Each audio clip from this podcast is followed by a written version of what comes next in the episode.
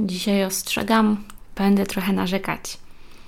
Minęło w połowie grudnia pół roku, odkąd oficjalnie dowiedziałam się, że zostałam zwolniona, więc dzisiaj będzie bardziej na luzie o tym, jak mi to pół roku minęło, jak wyglądają rekrutacje w, na stanowiska projektowe w 2023 roku i czy znalazłam pracę.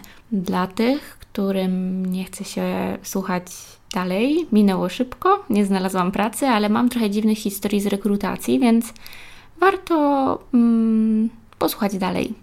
Jeszcze nie uciekajcie. Ten materiał powstał na podstawie moich doświadczeń i doświadczeń osób, które podzieliły się um, nimi ze mną na moim Instagramie Threads i jak jesteście ciekawi, to możecie zerknąć na mojego Instagrama w zapisanych stories. Kilka z tych historii również zapisałam. Chciałam w sumie zacząć od tego, że jeszcze nigdy nie miałam tak długiej przerwy w pracy, ale w sumie, jakby się nad tym zastanowić, to nie byłaby to do końca prawda. W zeszłym roku, kiedy się przeprowadzałam do Holandii, odeszłam z pracy z końcem lutego, a zaczęłam nową w październiku. Ale to wszystko było takie, wiecie, zaplanowane. Pracowałam wtedy też dla uczelni, więc coś tam robiłam i mimo wielu stresów związanych głównie z przeprowadzką, to wszystko wyglądało zupełnie inaczej. O tym, jak e, zostałam zwolniona, opowiadałam w filmie na YouTubie, ale w ramach przypomnienia zostałam zwolniona w czerwcu. Objęły mnie grupowe zwolnienia, po prostu zamknęli nam oddział firmy w Amsterdamie i zwolnili mnie na całkiem dobrych warunkach, bo 19 czerwca mogłam zamknąć komputer i zapomnieć o wszystkim, a mimo to mój kontrakt wraz ze wszystkimi benefitami trwał do końca lipca. Były wakacje, grupowe zwolnienia trwały w najlepsze nie pojawiały się praktycznie żadne nowe oferty, więc stwierdziłam, że no co, latko, wakacje, nic nie robię. No może nie to, że nic, ale nie będę miała super ciśnienia, żeby znaleźć pracę, bo, um, bo wiedziałam, że będzie po prostu trudniej. Ludzie są na urlopach, ogłoszenia będą wisieć tygodniami, a czas odpowiedzi będzie się wydłużał. Co ciekawe, moje pierwsze CV wysłałam już w maju, kiedy nieoficjalnie dowiedziałam się, że nadchodzą zwolnienia. Wysłałam zgłoszenia do 10 firm, które akurat rekrutowały, nie aktualizując specjalnie CV, e, a mówiłam w tym filmie o e, moich ostatnich poszukiwaniach pracy, że tam było jednak sporo rzeczy, które chciałabym poprawić, jeżeli szukałabym teraz pracy. I ten pośpiech i ten brak takiego przygotowania wynikał trochę z tego, że chciałam po prostu zobaczyć, jaki będzie odzew. W, przy tej ostatniej rekrutacji rok wcześniej roboty znalazłam w niecały miesiąc. Chciałam więc porównać, jak zmieniła się sytuacja, a że od wszystkich 10 firm dostałam odpowiedź odmowną, to odkryłam szybko, że bardzo się zmieniła. Stwierdziłam więc, że ok, będę musiała zaktualizować CV, popracować nad portfolio i wtedy wezmę się za szukanie porządnie pracy. A że był sezon wakacyjny, jak zostałam zwolniona, to idealny moment, żeby sobie te dokumenty dopracować i po wakacjach, jak już zasypie nas grat ofert, będę szukać pracy. W czerwcu wysłałam jeszcze dwie aplikacje, również odrzucone, i w sumie bardziej skupiłam się na cieszeniu wakacjami, spotykaniu się ze znajomymi, rodziną i kończeniem tatuażu. W międzyczasie odezwało się też kilka polskich firm, po tym jak opublikowałam te informacje o zwolnieniu na LinkedIn, e, zainteresowanych współpracą, ale zależało mi na umowie z holenderską firmą ze względu na benefit podatkowy, który dostałam i warunkiem utrzymania go była umowa o pracę taka klasyczna właśnie na terenie Holandii. W sierpień weszłam już z lekkim stresem, bo nadal trwał sezon wakacyjny, nie było zbyt wielu nowych ofert, głównie wisiały ogłoszenia, które widziałam już wcześniej. No i szczerze mówiąc, niespecjalnie mi się paliło, żeby w tych firmach pracować. No ale że miałam od tego momentu tylko 3 miesiące, żeby nie stracić ulgi podatkowej, to stwierdziłam, że ok, po prostu poaplikuję gdzie się da i zobaczymy, jaki będzie odzew na nowe CV i poprawione portfolio. W sierpniu wysłałam 14 odpowiedzi na aplikację, z 4 dostałam zaproszenia do dalszych etapów, z 8 moja aplikacja została odrzucona, a dwie nie odezwały się do tej pory, więc zakładam, że odrzucili moje mm, zgłoszenie. No ale coś się zaczęło dziać, ktoś tam zaczął się kontaktować i miałam na koncie pierwsze rozmowy i spotkania, więc w sumie zaczęłam z dużym optymizmem patrzeć w przyszłość. A potem przyszedł wrzesień i w całym miesiącu wysłałam tylko cztery aplikacje bo nie było nic nowego. Z czego odezwała się do mnie jedna firma, która dwa tygodnie później zupełnie zawiesiła wszystkie rekrutacje, o czym zresztą dowiedziałam się nieoficjalnie, bo do tej pory nie odpisali mi na maila. Październik i listopad obfitował e, w trochę więcej nowych ofert, ale wciąż, szczerze mówiąc, bez szału. Utrata pracy jest jedną z najbardziej stresujących sytuacji, jakie mogą spotkać człowieka w dorosłym życiu. Na popularnej skali stresu, wyróżniającej szczególnie stresujące wydarzenia życiowe, e, utrata pracy plasuje się na ósmej z 44 pozycji, zaraz pomiędzy innymi śmierci osób bliskich, rozwodzie, pobycie w więzieniu czy ciężkiej chorobie. Nie ma znaczenia w dodatku rodzaj pracy ani staż. Tak samo stresujące jest zwolnienie z pracy dla wieloletniego pracownika, jak i osoby, która przepracowała choćby rok. I niby wiedziałam to wszystko, słyszałam o różnych badaniach, ale dziwiłam się jednocześnie, no bo to przecież tylko praca. Dopóki nie dotknęło to i mnie. I problemy ze snem, niepewność, y, myśli, że popełniłam gdzieś błąd, że może powinnam się przebranżowić, a może w ogóle wrócić do Polski.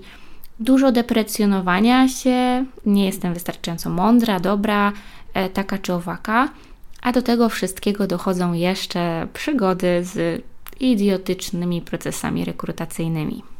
O tym, że firmy mają bardzo różne podejście do rekrutacji, wiemy nie od dziś. Od zawsze krążyły historie o tym, jak firmy wykorzystują rekrutację do generowania sobie projektów dla klientów, wrzucania absurdalnie dużego zakresu pracy na darmowe zadania albo po prostu nieodzywanie się w pewnym momencie do kandydatów.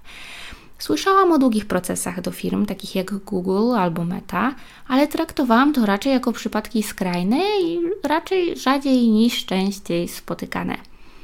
Tymczasem okazuje się, że coś, z czego jeszcze niedawno wszyscy się śmialiśmy, dziś stało się standardem. Zdecydowana większość procesów rekrutacyjnych, w których brałam teraz udział, to kilkustopniowe etapy, które oprócz tego, że są całą masą spotkań z losowymi ludźmi i wszyscy pytają Cię praktycznie o to samo, rozciągają się w czasie do dwóch, trzech miesięcy, a z opowieści obserwatorów na Instagramie wiem, że potrafią trwać i pół roku. Dochodzą do tego jeszcze zadania, projekty do zrobienia w domu, prezentacje tych projektów albo prezentacje projektów, które gdzieś tam mieliśmy już e, w portfolio, sesje tak zwanego Whiteboard Challenge, czyli projektowania na żywo w trakcie spotkania z takim projektem, problemem, który prezentuje się dopiero na tym spotkaniu, więc musimy na żywo reagować i pokazywać nasze podejście, nasz proces. Czasami też również projektować ekrany wizualnie. No i moje ulubione testy psychologiczne, e, które mają tam sprawdzać, e, jakimi jesteśmy ludźmi, albo jak dobrze e, umiemy w matmę, czy nie wiem, czy umiemy rozwiązywać jakieś logiczne zadania na czas. A to wszystko przy jednoczesnych prezentacjach portfolio, sesjach dyskusji i zadawaniu pytań do tych stworzonych już prawdziwych projektów, które mieliśmy po prostu w naszym portfolio w trakcie, kiedy się zaczęliśmy rekrutować. I żeby nie było, ja nie mam nic przeciwko zadaniom w trakcie rekrutacji, ale pod warunkiem, że te zadania faktycznie coś sprawdzają. Miałam okazję rekrutować osoby projektujące i zadania, jeśli się pojawiały, miały przede wszystkim sprawdzić te obszary, których brakowało nam w portfolio osoby poaplikującej, albo nie byliśmy pewni doświadczenia tej osoby. I, I, oczywiście ja nie mówię, że to, co ja robiłam, albo procesy rekrutacyjne, w których ja brałam udział po tej drugiej stronie, były jakieś idealne. Na pewno popełniłam ja, jak i osoby, z którymi pracowałam, wiele błędów E, których można by było uniknąć, bardziej się do tego wszystkiego przygotowując, no ale mimo wszystko, nie wiem, starałam się robić jakieś takie minimum, żeby też ten proces rekrutacyjny dla tej drugiej strony był trochę przyjemniejszy i łatwiejszy. I teraz tak sobie myślę, że dla kontrastu może opowiem kiedyś, może w następnym materiale o rekrutacjach, które robiły na mnie dobre wrażenie i takich e, praktykach, które sprawdziły mi się, kiedy sama poszukiwałam odpowiednich osób do zespołu. Problem, jaki mam teraz, e, kiedy sama się rekrutuję, to przede wszystkim obserwacja, że firmy nie mają pojęcia, po co właściwie dają nam te wszystkie zadania do wykonania i po co są te wszystkie spotkania. Widać to po formacie zadań, odpowiedziach na pytania, kiedy do tych zadań zadajemy jakieś pytania, późniejszych prezentacjach i pytań, które tam padają, a potem feedbacku, który niejak się ma do tego, co miało zadanie sprawdzać. Miałam przypadek, w którym Head of Design opowiadał mi o roli i potrzebach na stanowisku, mm, na które się rekrutowałam. E, zapowiedział zadanie do zrobienia do domu, które miało być krótkie i proste, po czym okazało się, że zamiast jednego zadania były tak naprawdę trzy osobne, dotyczące różnych tematów zadania, dość różne i przede wszystkim czasochłonne. Jako, że chciał sprawdzić moje myślenie i podejście, wspomniał, żebym ucięła te zadania, w, czy też te miejsca w tych zadaniach, które uznam za bezsensowne i skupiła się na osiągnięciu celu minimum środków. Zadania miały mi zająć z godzinę dwie, co jak możecie sobie wyobrażać było dość optymistycznym i absurdalnym założeniem. Obcięłam je mocno, żeby faktycznie nie poświęcać na nie zbyt wiele czasu, ale jednak pokazać jakieś tam umiejętności ale ewidentnie no, nie trafiłam tym cięciem w oczekiwania osób, które później oceniały moje zadania. Osoba, która dała mi zadanie i odpowiadała mi na pytanie, w ogóle okazuje się, że nie była specjalnie w kontakcie z tymi osobami, które później to oglądały i oceniały i zadawały pytania. Feedback z kolei pokazywał, że rzeczy, których rzekomo szukali na to stanowisko, były ocenione bardzo wysoko, ale zabrakło im rzeczy, o których wspominali, że mam na nie nie poświęcać za dużo czasu. To tak jakby ktoś Wam dał teraz zadanie, w którym macie skupić się na procesie UX-owym, nie wiem, badaniu i testowaniu i dostajecie feedback, że pokazaliście za mało UI-a. Klasykiem jest dostawanie zadań, które nijak mają się do rzeczywistości firmy, procesów, zasobów lub e, typów projektów. Firmy chwalące się podejściem zwinnym, elastycznym podejściem i kreatywnością dają zadania, które tego nie sprawdzają, ale nie mają za bardzo też jak wiem, tego sprawdzić tą formą tego zadania. W firmie, w której nie ma badań i testów, walidacji, po tym jak zrobiłam prezentację swojego projektu i opowiedziałam o moim podejściu do badań i testów w jednym z, z projektów portfolio, dostałam zadanie na zrobienie wymyślonej aplikacji do wymyślonej firmy, wymyślonych użytkowników z wymyślonymi problemami, czyli generalnie wszystko musiałam sobie sama wymyślać, bo nic tam nie było zdefiniowane. Firma chciała zobaczyć, jak pracowałabym nad usprawnieniem takiej aplikacji w konkretnym obszarze i chcieli zobaczyć trochę figmowej magii, tak to nazywali, e, że zależało im, żeby po prostu zobaczyć też warstwę wizualną projektu. Pokazałam proces, Zaprojektowałam kilka roboczych widoków, na tyle, na ile mogłam je zaprojektować, nie mając absolutnie niczego, więc tak naprawdę wymyśla się wtedy całą aplikację zupełnie od zera. E, I zaznaczyłam, że raczej moja praca nad takim projektem wiązałaby się z jakimiś spotkaniami, rozmowami, z, nie wiem, z interesariuszami oraz walidacją pewnych założeń, które dawało to zadanie. No i e, sama też musiałam założyć, e, zrobić pewne założenia na potrzeby zadania, żeby móc w ogóle je ukończyć. Warstwa wizualna też powinna odpowiadać temu, jak cały projekt działa, nie wiem, jak nawigacja wygląda, nie tylko względem tego małego obszaru, który ja miałam zaprojektować. No i, e, i, i generalnie wysłałam to e, do, e, do oceny. W odpowiedzi dostałam informację, że dzięki, dzięki, ale zabrakło im w moim projekcie walidacji i niestety będą kontynuować proces z innymi osobami. Firma, która nie robi testów i nie waliduje swoich projektów, nie ma żadnych metryk, niczego nie mierzy, oczekiwała, że na etapie projektu w rekrutacji zrobię im proces walidacyjny do czegoś, co w biznesowym założeniu mogło nie mieć w ogóle sensu. I teraz zastanawiam się, czy powinnam po prostu zmyślać? Czy oni wszyscy naprawdę myślą, że ludzie nie mają nic lepszego do roboty, tylko cisnąć przez tydzień projekt, którego nawet nie wrzuciłabym na koniec do portfolio? Myślę, że największym problemem zadań jest ich zbyt duży zakres, przy jednoczesnym braku materiałów, na których można bazować. Pracując w produkcie, rzadko jest tak, że ktoś przychodzi i mówi: weź mi zrób aplikację do robienia tego. I to jeszcze taką aplikację, która nie ma nic wspólnego, wiecie, z profilem firmy, działalności. Jest przestrzeń na rozmowę o tym, kim mieliby być odbiorcy, jaki problem rozwiązuje. Z reguły mm, to produkt dla firmy już działającej na rynku, więc jakiś tam know-how tej firmy jest. Nawet, nawet jeśli nie było tych super badań i nie wiadomo, jakich procesów usprawniających ten cały UX tam nie było, to przy odpowiednim zadawaniu pytań jesteśmy w stanie zdobyć, a potem sprawdzić sporo informacji. Możemy zrobić audyt istniejącego produktu. Firmy mają swoje identyfikacje wizualne, często konkretny styl, czasem nawet design system. A zadania dostajemy jak do agencji, gdzie pracuje się na akord i przypominam, ja się rekrutuję na stanowiska product designer albo UX designer w firmach ze swoimi produktami. Tymczasem w ramach zadania oczekuje się, że w ciągu kilku dni zrobię badania, analizę konkurencji, przedstawię proces pracy, zwaliduję projekt, zrobię od podstaw warstwę wizualną i to wszystko będzie miało jeszcze jakiś sens. Jeżeli to nie jest red flag dla pracy w takiej firmie, to nie wiem co jest. Ale na zadania łatwo się narzeka, bo w większości przypadków są bez sensu. Ale pogadajmy sobie jeszcze o spotkaniach, bo ta potrzeba pogadania sobie z wszystkimi możliwymi pracownikami firmy jest zaskakująco powszechna. Z reguły zaczynamy spotkaniem z HR, czy też osobą z jakiegoś tam innego wymyślonego działu, które ma e, ocenić, e, czy jesteśmy w stanie się w ogóle komunikować, jakie mamy oczekiwania finansowe, kiedy możemy zacząć pracę i moje ulubione, dlaczego w ogóle chcemy pracować e, w tej firmie. Takie spotkania trwają z reguły 15-30 minut i są pogadanką o wszystkim i o niczym. To często pierwsze nasze zetknięcie z firmą i przedstawienie, jak wygląda proces rekrutacyjny, jakie są kolejne kroki, ile może trwać. Ze wszystkich rozmów, które miałam, tylko jedna osoba rekrutująca nie spóźniła się na spotkanie, które sama ustawiła. Ta pierwsza osoba jest też z reguły osobą prowadzącą całą naszą rekrutację. Odpowiada za koordynację spotkań, e, przesyłanie nam e, feedbacku e, i zaproszenie do kolejnych etapów. Niestety wśród wiadomości, które dostawałam od obserwatorów, dość często pojawiały się opisy sytuacji wręcz patologicznych, głupie teksty, wyśmiewanie osób aplikujących, ocenianie życiowych wyborów, że ktoś na przykład nie zdecydował się na studia albo zdecydował się mm, przerwać studia w którymś momencie. Dziwne komentarze z podtekstem, których odbiorczyniami były głównie kobiety.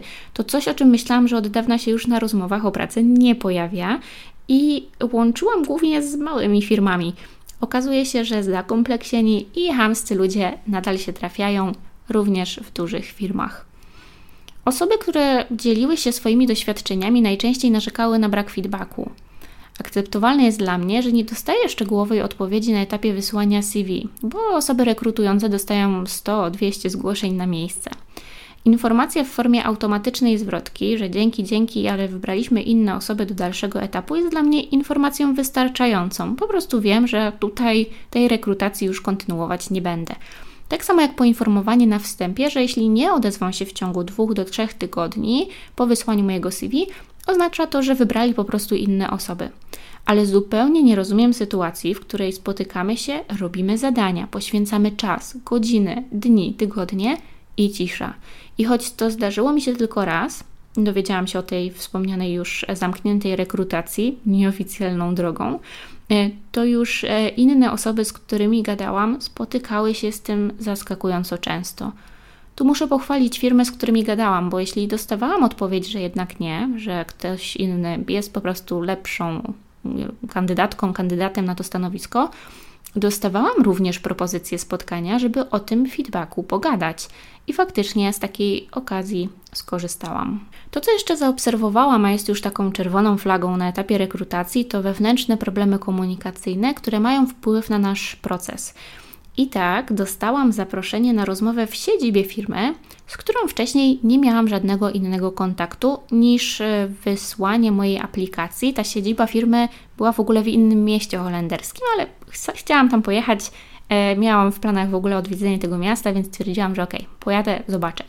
W zaproszeniu do tego spotkania był mm, gość SHR, ta osoba, która się ze mną skontaktowała, oraz design managerka, e, pod którą miałabym pracować. Okazało się, że zaplanowanie e, spotkania dla trzech osób, z czego jedna, ja, miałam pusty kalendarz, więc każdy dzień i godzina mi pasowały, przerosło możliwości gościa od rekrutacji. Zaplanował więc spotkanie, które zostało odrzucone najpierw przez wspomnianą menadżerkę, e, i to ona przepraszała mnie, że sorry, sorry, coś poszło nie tak i ona nie może się tego dnia spotkać. I kolejne dwa tygodnie trwało umawianie się na to spotkanie. Mając e, te dwie osoby w zaproszeniu do spotkania, które miało trwać godzinę, założyłam, że ten etap zapoznania HR będzie na początku, a potem pewnie będzie okazja do pogadania z menadżerką. Jakie było moje zaskoczenie, kiedy okazało się, że na spotkaniu była menadżerka i projektant, a spotkanie w ogóle miało trwać półtorej godziny i miało być przede wszystkim prezentacją moich projektów z portfolio. Na szczęście miałam ze sobą komputer, bo miałam jakieś takie przeczucie, że gość jest nieogarnięty i może zapomniał mi o czymś e, wspomnieć. Mm, Gość od rekrutacji nie wysłał mi też agendy spotkania. Jakoś zapomniał poinformować mnie o istotnych szczegółach, bo okazało się, że w ogóle powinien najpierw do mnie zadzwonić i pogadać, czego nie zrobił. Dotarłam więc magicznym sposobem do drugiego etapu rekrutacji bez zaliczenia pierwszego. Piątek tuż przed świętami miałam inny ciekawy przypadek, który mnie zainspirował do tego materiału. Miałam dwa 45-minutowe spotkania w siedzibie firmy. Jedno miało być CEO, drugie z jakimś tam innym C coś tam, e, które miały być zagłębianiem się w moje projekty z portfolio i pokadaniem o technicznych szczegółach. Co samo w sobie było ciekawe, bo nie wiedziałam o jakie techniczne szczegóły mogą mm, zapytać mnie osoby, które zajmują się zupełnie czymś innym. Mm, a na miejscu okazało się, że będę mieć Whiteboard Challenge prowadzony i oceniany przez CEO, do którego oczywiście no, nie byłam jakoś specjalnie przygotowana. I najbardziej się wkurzam na to, że to wbrew pozorom wydają się naprawdę fajne firmy ze spoko ludźmi w zespołach, przynajmniej takie dają wrażenie, jak się, e, jak się ich pozna e, na początku. Niemniej firmy, z którymi rozmawiam, to często firmy o bardzo niskiej dojrzałości UX, które chcą robić fajne rzeczy, ale jeszcze tego nie robią. To są jakieś bardzo odległe plany. Oznacza to, że w wielu przypadkach praca nad projektami to po prostu klepanie projektów w Figmie z punktowymi testami i całą masą spotkań. A rekrutacje są takie, jakbym miała budować co najmniej rakietę na Marsa. Marnujemy więc sobie nawzajem ten czas, który jest czasem dosyć kosztownym. Koszty rekrutacji dla firmy są bowiem dość wysokie, jeśli policzymy, ile czasu poświęcają osoby odpowiedzialne za komunikację, przeglądanie w ogóle CV i portfolio, przygotowanie feedbacków, spotkań i pomnożymy to przez liczbę uczestników, robi nam się naprawdę dużo czasu. Czasu, który kosztuje firmy kupę kasy. Gdybym miała podsumować to wszystko, to dochodzę do wniosku, że największym problemem jest leniwe podejście do rekrutacji. Na zasadzie, dobra, wymyśliliśmy te trzy zadania kilka lat temu, opisaliśmy je dosłownie w formie trzech zdań i zobaczymy, co z tego wyjdzie. Każda osoba, niezależnie od poziomu doświadczenia projektów portfolio i stanowiska, dostaje podobne zadania, e, które bywa, że duplikują się z czymś, co było robione już w ramach projektów do portfolio. W prawdziwych przypadkach biznesowych w rzeczywistym świecie, z prawdziwymi ludźmi, jakimiś wynikami. Odtworzenie tych warunków w procesie rekrutacyjnym jest niemożliwe. E, to zawsze będzie karykatura procesu projektowego. Osoby, które rekrutują pracowników, powinny mieć tego świadomość i zastanowić się, co tak naprawdę chcą sprawdzić. Nie widzę problemu, jak wspominałam, w robieniu zadań, pod warunkiem, że będę miała poczucie sensu ich robienia że czuję, że okej, okay, nie mam doświadczenia, dajmy na to w e-commerce, aplikuję do firmy, która jest sklepem internetowym albo jakąś platformą sprzedażową. Wam zależy na tym, żeby mieć osobę, która zna minimum dobrych praktyk. Dajcie mi więc do zrobienia jakiś, nie wiem, mobilny checkout w sklepie albo kartę produktu. Jeżeli chcecie sprawdzić moje umiejętności w warstwie graficznej, dajcie chociaż minimum informacji, żeby stworzyć bazę do tych grafik i tak dalej, i tak dalej. Oznacza to oczywiście, że trzeba te zadania przygotować opisać, zebrać niezbędne materiały, może przygotować jakieś makiety. O wiele łatwiej będzie wtedy i szybciej oceniać te projekty i tworzyć również feedbacki. O automatyzacjach odpowiedzi, korzystaniu z kalendarzy do omawiania spotkań typu nie wiem, Calendly, Google Calendar albo Zencal nie wspominając. I tak agendy spotkań mogą być zapisane już w tych gotowych formatkach tym roku wysłałam 67 odpowiedzi na aplikację, z czego tylko 11 firm wysłało mi zaproszenia do dalszych e, etapów.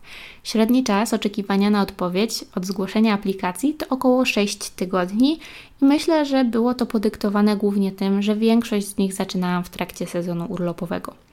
A jak już zaczynałam procesy z firmami, to większość z nich ciągnęła się ponad miesiąc. I głównie z powodu czekania, aż ktoś tam wróci z wakacji. Z trzema firmami jestem nadal w procesie, więc moja historia rekrutacji jeszcze się nie kończy, choć po ostatnich miesiącach mam nadzieję, że jest bliższa końcu niż dalej. To by było na tyle, jeżeli chodzi o moje um, aktualne e, rekrutacyjne historie. Mm, jeżeli szukacie teraz pracy, to trzymam za Was kciuki. Wiem, jak trudne i stresujące i takie męczące e, to wszystko bywa, zwłaszcza teraz po tych wszystkich masowych grupowych zwolnieniach.